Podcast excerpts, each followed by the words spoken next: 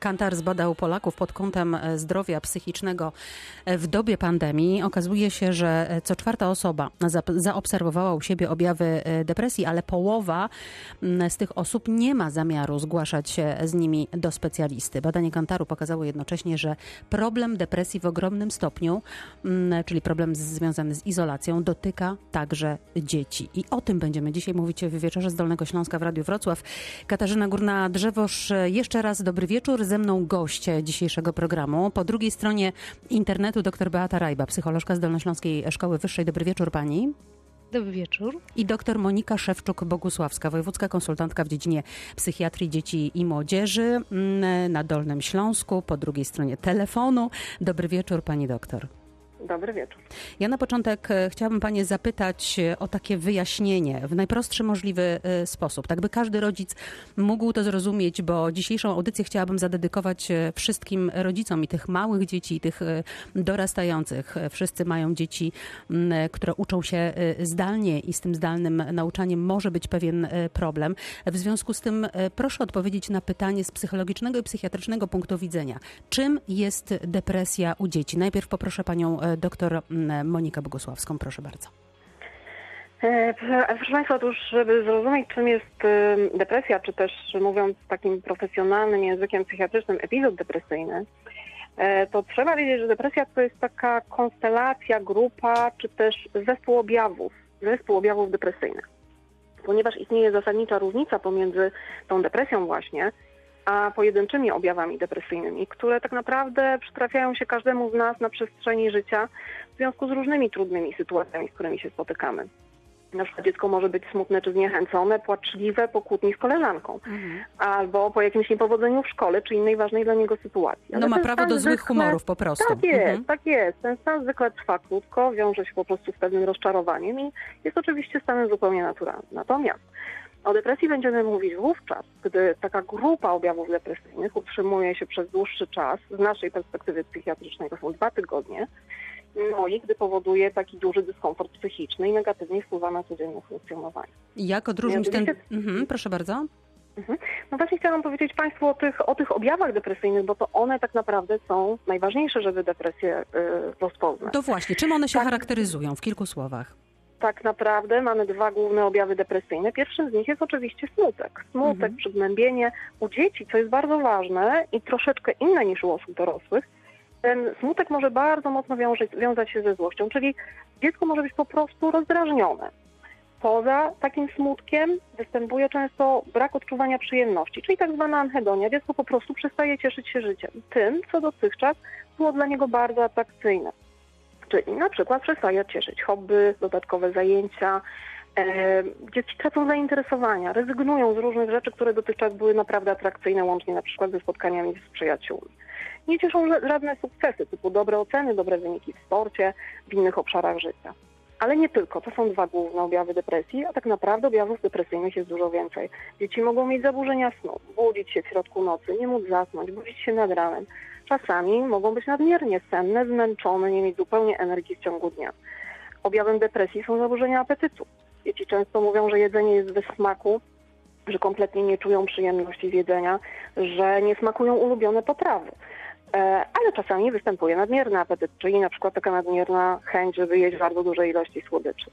Z depresją wiąże się spowolnienie takiej generalnej aktywności. Także dzieci mają takie wrażenie, że wszystko idzie jak po grudzie, że nie mogą po prostu nawet rozpocząć codziennego, porannego życia, że mają kłopot z tym, żeby wstać, żeby się przygotować e, do szkoły. To wszystko stanowi bardzo duże wyzwanie. W tym czasie, w którym obecnie jesteśmy, no to w ogóle stanowi duże wyzwanie, ponieważ dzieci są jak w klatkach e, zamknięte od dłuższego czasu. Pani doktor Beata Rajba, pani przebadała na Dolnośląskiej Szkole Wyższej e, lęk u dzieci. Czy lęk ma związek właśnie z depresją? Czy stany lękowe prowadzą do depresji? Czy tu jest jakaś korelacja, czy to są dwie różne rzeczy?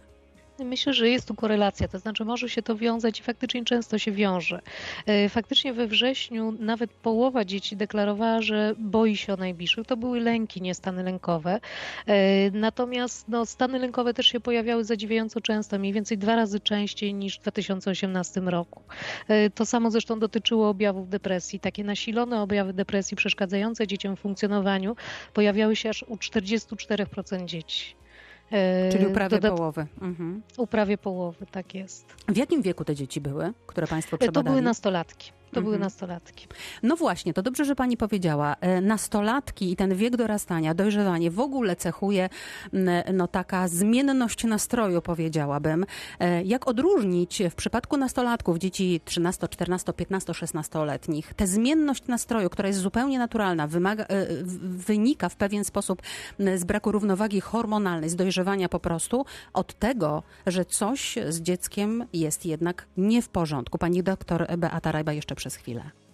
Y, tutaj no najważniejszy jest czas trwania, te dwa tygodnie, które powinny nas zaniepokoić, a także to, że jest jednak dosyć duże nasilenie tych objawów, że dziecko faktycznie nie je, y, że nie śpi, mhm. że jest ten bunt bardzo nasilony na przykład.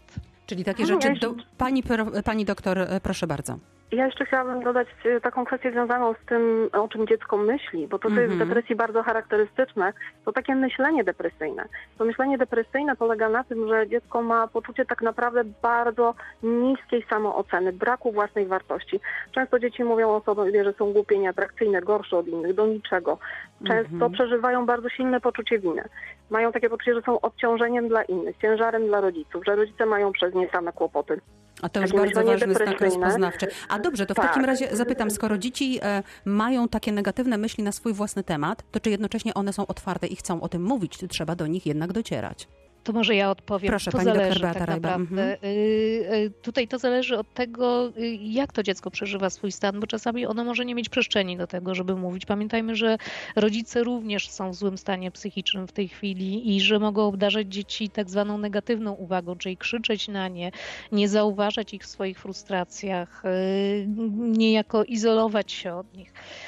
Więc tutaj mm, pytanie, czy te dzieci w ogóle mają przestrzeń, żeby o tym mówić. Ale czy dzieci, które cierpią już na pewnego rodzaju lęki i pewnego rodzaju e, depresje, charakteryzuje jednocześnie e, to, że one, no właśnie, są zamknięte i mm, trzymają to w sobie, czy też, e, no jeżeli zapytane, będą chętnie odpowiadały. Pani doktor Monika Szewczuk-Bogusławska.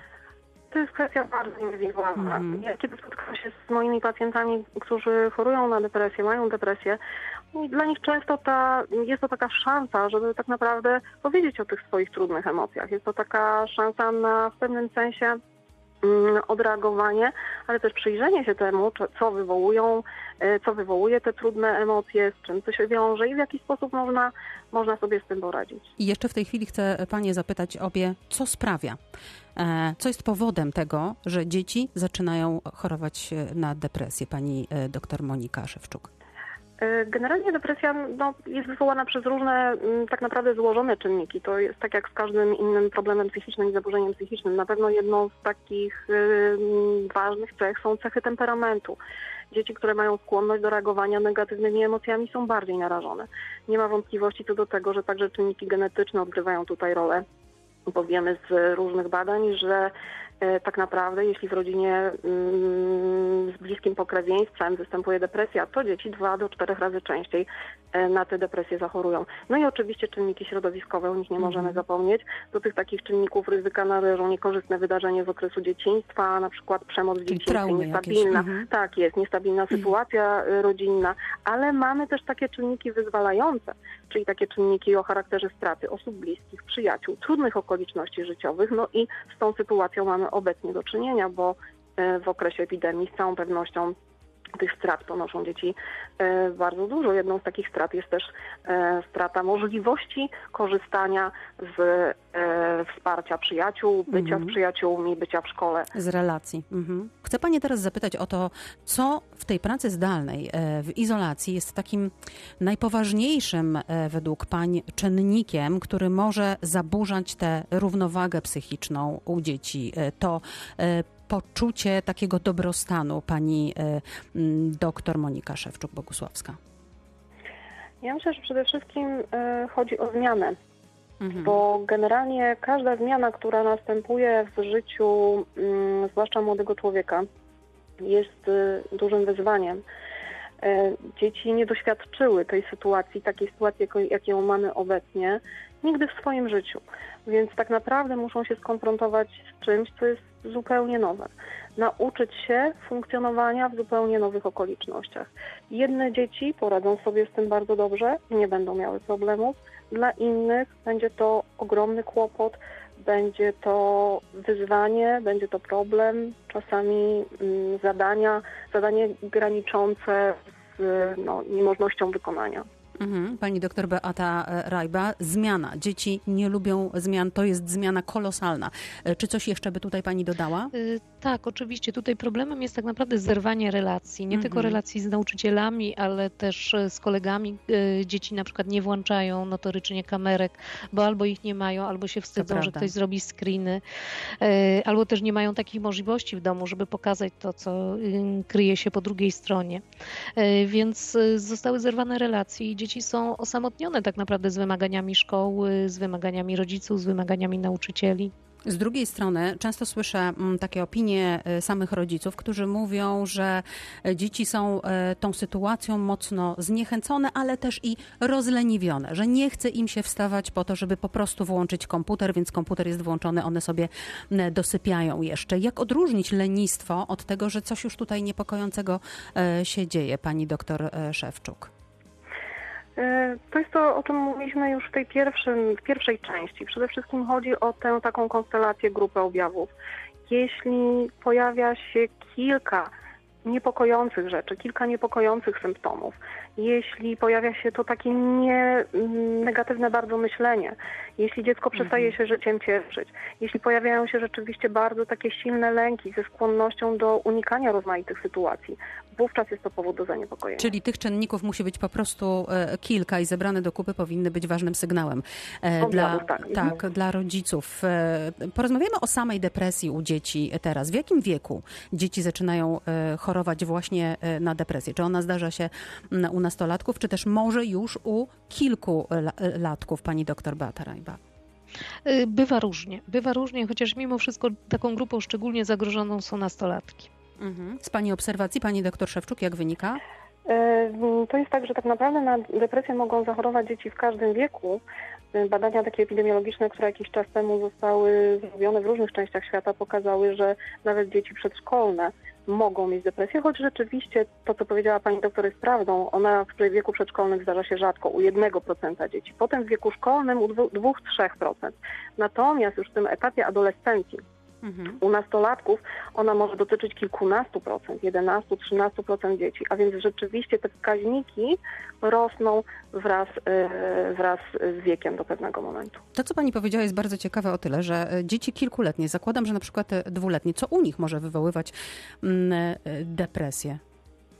Może nie dwuletnie, ale Mhm. powiedzmy pięcio czy sześcio.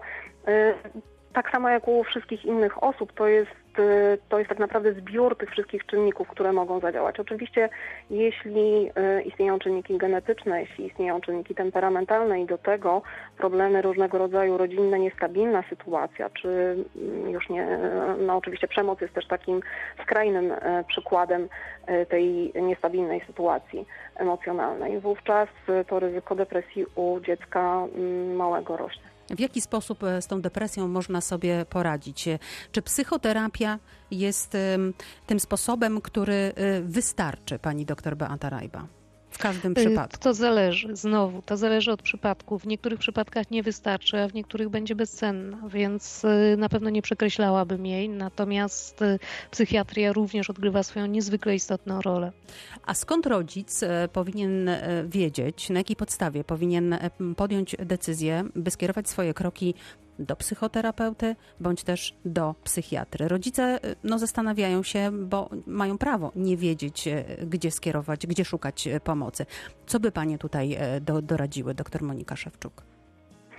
To jest tak, że jeżeli chodzi o postępowania, tak zwane nasze standardy postępowania w przypadku depresji, to jeśli mamy do czynienia z depresją, która ma przebieg łagodny, czyli na pewno są objawy, ale one nie wpływają jakoś bardzo znacząco na funkcjonowanie dziecka, to wtedy psychoterapia jest tą taką bardzo dobrą formą y, pomocy dziecku. Natomiast jeśli przebieg depresji jest ciężki, czyli my mówimy na psychiatrii umiarkowany albo ciężki, dziecko źle funkcjonuje albo nie funkcjonuje w ogóle, ma całe mnóstwo problemów w zakresie edukacji, w relacjach z, z rówieśnikami, wówczas musimy połączyć metody i tak naprawdę połączyć farmakoterapię z psychoterapią, czyli jednak udać się do, do psychiatry. Co to znaczy ciężkie przechodzenie depresji? Oprócz tego, że problemy z rówieśnikami, jak pani e, powiedziała, problemy z nauką, co poza tym jeszcze?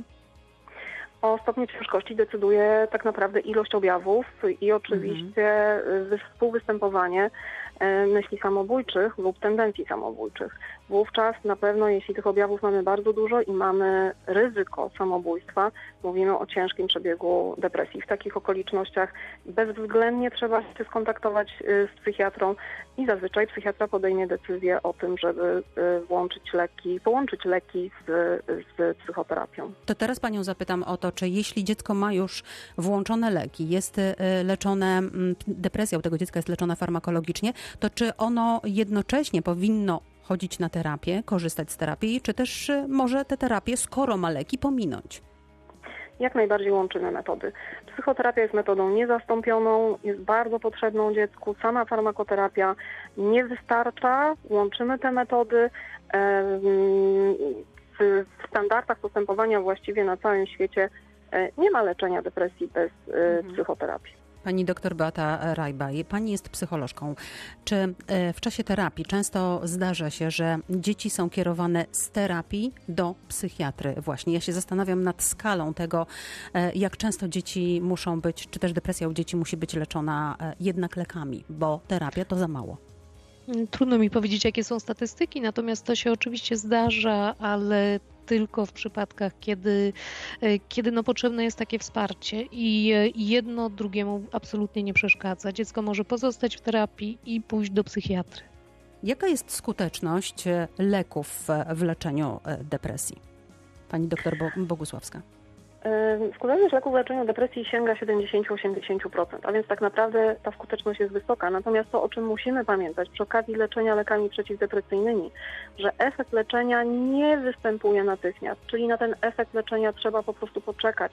Dwa, trzy tygodnie to jest takie minimum, żebyśmy ocenili wstępną skuteczność leczenia lekiem przeciwdepresyjnym. Co w, w, w czasie momencie... tych dwóch, trzech tygodni może się z dzieckiem dziać? Mogą się objawy e, nieznacznie zmniejszyć. E, to jest dla nas dobry sygnał, bo to oznacza, że istnieje bardzo duże prawdopodobieństwo, że lek będzie skuteczny. Jeśli te objawy się nie zmniejszają, jeśli się nasilają, oznacza to, że leczenie nie będzie skuteczne i musimy się zastanowić albo nad zmianą leku, albo jeśli depresja przybiera tę postać ciężką, nad skierowaniem ewentualnie do szpitala. Czy długo trwa taki dobór właściwego e, leku? Zwykle nie, zazwyczaj w większości przypadków już pierwszy lek jest lekiem skutecznym. Ta skuteczność sięga 70-80%. Natomiast czasami rzeczywiście trzeba się posiłkować kolejnym lekiem. E, I to, o czym należy pamiętać, że tego leku nie wolno odstawiać, nawet jeśli nastąpi poprawa. To jest bardzo, bardzo istotne w kwestii profilaktyki leczenia depresją. Leczenie trwa kilka miesięcy. To nie jest tak jak z anginą, że się wyleczyliśmy, po 5-7 dniach odstawiamy antybiotyk. Lek przeciwdepresyjny podaje się wiele miesięcy, żeby zapobiegać nawrotowi depresji. Tu jest pytanie od pana e, Józefa, który napisał do nas, czy te leki uzależniają, czy potem nie jest przypadkiem tak, e, że dzieci muszą po nie wracać? W żadnym wypadku. Leki przeciwdepresyjne nie mają potencjału uzależniającego. One nie powodują ani potrzeby zwiększania dawki, ani nie powodują y, objawów y, abstynencyjnych. To jest tak, że w momencie, kiedy kończymy ten proces leczenia, czyli mniej więcej po sześciu miesiącach od momentu, kiedy dziecko uzyskuje poprawę, bez żadnego problemu, naprawdę w krótkim czasie możemy te leki odstawić. Pani doktor Beata Rajba, pytanie z kolei do Pani jest takie, w jaki sposób wybrać właściwego psychoterapeutę e, i w jaki sposób wybrać właściwą psychoterapię, bo wiemy, że e, no, psychoterapia też odbywa się w różnych e, nurtach. Który z tych nurtów jest odpowiedni właśnie dla e, dzieci chorujących bądź podejrzanych o chorowanie, bądź jeśli podejrzewa się, że chorują na depresję? Najwięcej danych wskazuje na skuteczność terapii poznawczo-behawioralnej, która ma tą zaletę, że też dosyć szybko daje efekty i e, dzieci zwykle dobrze sobie w niej radzą. Gdyby pani w kilku słowach mogła wyjaśnić, co to znaczy poznawczo-behawioralna? pracujemy tak naprawdę z myślami, z emocjami dziecka i zmieniamy sposób myślenia, przebudowujemy go troszeczkę po to, żeby emocje też się poprawiły. One są ze sobą po prostu połączone. Ja mam kolejne pytanie od e, naszego słuchacza, który pyta e, w ten sposób. Jakie pytania, to jest bardziej pytanie chyba do, do doktor Beaty Rajby, jakie pytania dziecku e, zadawać, ponieważ kiedy ja pytam, co ci jest, to każdorazowo słyszę jedną odpowiedź. Dobrze, albo słyszę odpowiedź, czemu znów się czepiasz, widzisz znowu we mnie jakiś problem. Pani doktor, jak zadawać te pytania, żeby dziecko było otwarte na odpowiedzi? Myślę, że można zacząć od tego, żeby siąść obok, szczególnie jeżeli dziecko w ten sposób reaguje, a więc czuje się w jakiś sposób, e, czy to karcone przez rodzica, czy czuje, że rodzic jest z niego niezadowolony, e, że e, w jakiś sposób chce przekroczyć jego granice, więc po prostu usiąść obok i przyzwyczaić dziecko do swojej obecności. A później powiedzieć wprost o swoich odczuciach, o tym, że widzę, że coś ci jest, widzę, że coś jest nie tak i bardzo się martwię.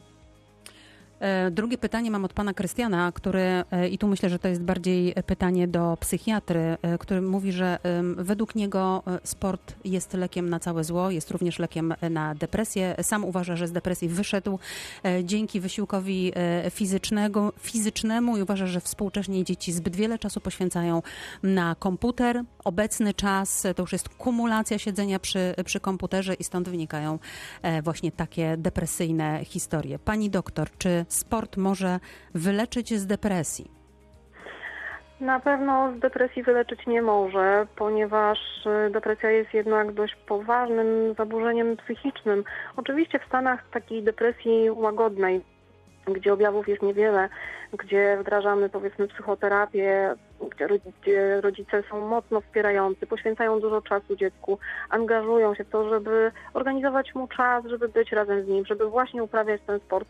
W takich łagodnych epizodach myślę, że ma to jakieś szanse powodzenia. Natomiast w sytuacji, kiedy mamy jednak do czynienia z poważniejszymi epizodami depresyjnymi, z depresją umiarkowaną czy ciężką, z poważniejszymi zaburzeniami funkcjonowania, naprawdę trzeba udać się do specjalistów i połączyć te metody i zadbać o to, żeby dziecko po prostu było bezpieczne. To zapytam inaczej, e, czy w takim razie sport może być skuteczną profilaktyką? No bo jeśli e, daje e, te relacje społeczne, daje zdrowy wysiłek, daje poczucie obowiązku, czy może uchronić przed depresją?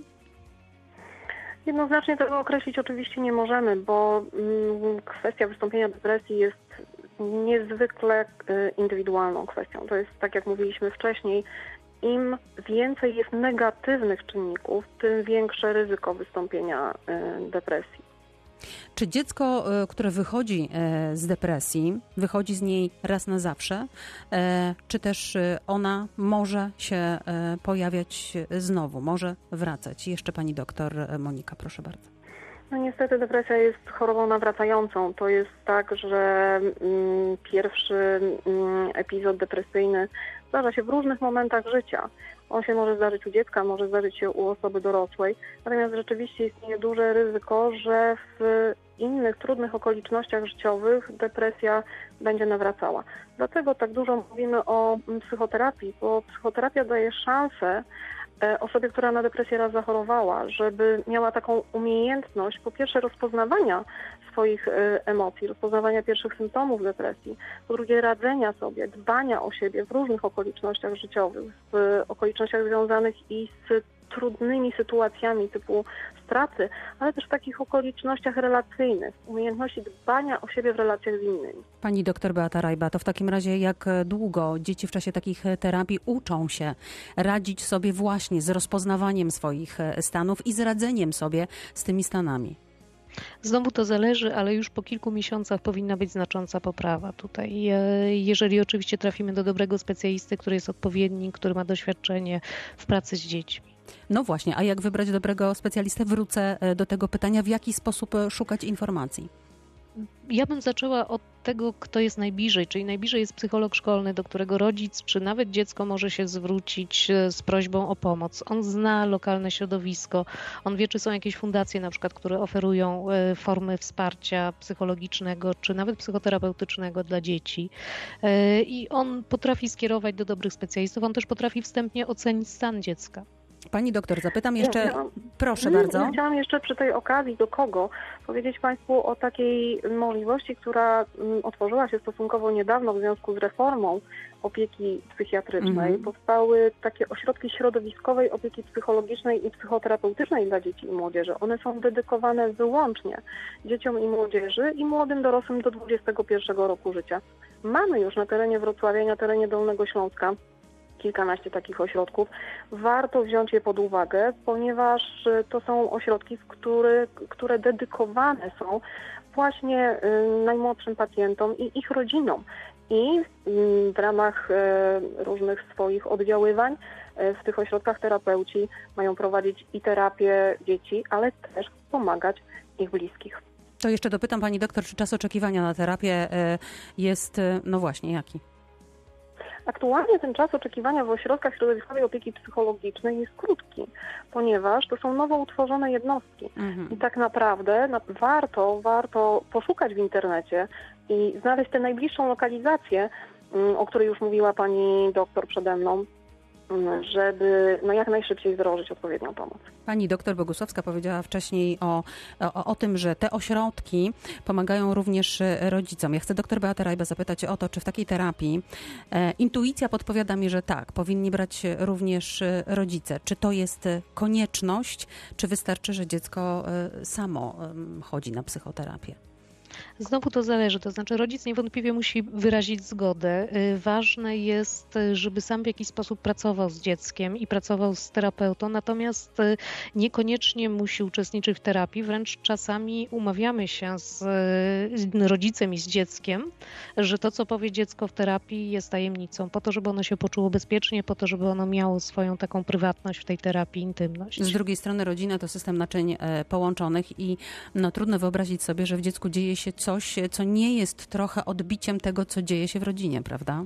Oczywiście, oczywiście, więc najlepiej, jeżeli e, terapeuci pracują, jeżeli jest to grupa terapeutów, która pracuje z całą rodziną tak naprawdę. Na koniec chcę Pani jeszcze zapytać o taką e, rzecz. W ostatnim czasie e, i myślę, obie Panie są mamami, ja również jestem e, mamą i mm, widzę, że autorytet, jaki dzieci czerpią z internetu, no jest po prostu ogromny. Mam na myśli youtuberów i osoby, które są e, dla zwłaszcza nastolatków e, ogromnym wzorem w tej chwili. Trudno się z tym kłócić i bić.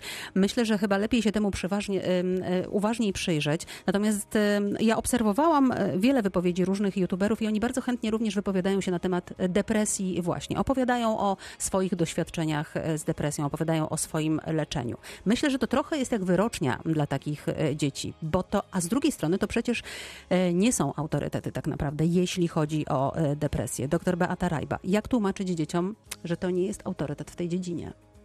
Myślę, że można im powiedzieć, że owszem, ta osoba ma jakieś doświadczenia, natomiast y, najlepiej jest oglądać z dzieckiem tak naprawdę, zaciekawić się tym, co dziecko ogląda i y, samemu po pierwsze wyrobić sobie opinię, a po drugie porozmawiać o tej swojej opinii z dzieckiem. Doktor Monika Szewczuk-Bogusławska, jak pokazać autorytet? Mhm. Dodatkowa, dodatkowa opcja to generalnie edukacja na różnych, w różnych obszarach. Także wprowadzanie takiej psychoedukacji do szkół. Jak najwcześniej dzieci powinny mm, rozumieć jak gdyby kwestie emocjonalności, problemów emocjonalnych, więc taka psychoedukacja i w szkołach. I potem na różnych etapach życia, w ramach y, lekcji wychowawcze na przykład, ra- które mm, odbywają się na wykładach z psychiatrii czy psychologii w ramach y, Dolnośląskiego Festiwalu Nauki. Tak, zaciekawić dziecko emocjonalnością, być z tym dzieckiem, uczyć dziecko, edukować rodziców. Poproszę Panie jeszcze e, na koniec o takie trzy porady e, dla e, rodziców. Jak rozpoznać, że z dzieckiem schowanym za laptopem z powodu lekcji, z powodu, z powodu zajęć lekcyjnych, z powodu odrabiania lekcji, z powodu tego, że kontaktuje się z kolegami przez internet, schowanym cały dzień za laptopem, że coś może być tutaj nie tak, że warto się temu uważniej przyjrzeć. Co może na to wskazywać? Takie trzy znaki. Pani doktor Beata Rajba. No przede wszystkim, jeżeli to dziecko jest schowane cały dzień za laptopem, to już jest pierwszy To taki sygnał źle. ostrzegawczy, tak jest. Y, Natomiast y, y, jakieś zaburzenia nastroju, taki nasilony bunt, generalnie niepokojące zachowanie dziecka przez dwa tygodnie, to już jest powód do tego, żeby skonsultować się ze specjalistą, to nigdy nie zaszkodzi. I doktor Monika Szewczuk-Bogusławska. Ja jeszcze raz wrócę do zmiany. Jeśli dziecko było wesołe, jeśli dziecko było aktywne, zainteresowane różnymi rzeczami i nagle dokonuje się zmiana, tak naprawdę nic jej nie cieszy. To jest ten sygnał, na który trzeba zdecydowanie zwracać uwagę. Bardzo Paniom dziękuję za e, dzisiejszą e, rozmowę. Doktor Beata Rajba, psycholożka z Dolnośląskiej Szkoły Wyższej we Wrocławiu i doktor Monika Szewczuk-Bogusławska, wojewódzka konsultantka w dziedzinie psychiatrii dzieci i młodzieży na Dolnym Śląsku. Dziękuję pięknie i dobranoc. Dobranoc. Dziękuję. Dobranoc. Bardzo dziękuję za dzisiejszy wieczór. Życzę e, bardzo dobrego weekendu. Katarzyna Górna-Drzewarz, dobranoc.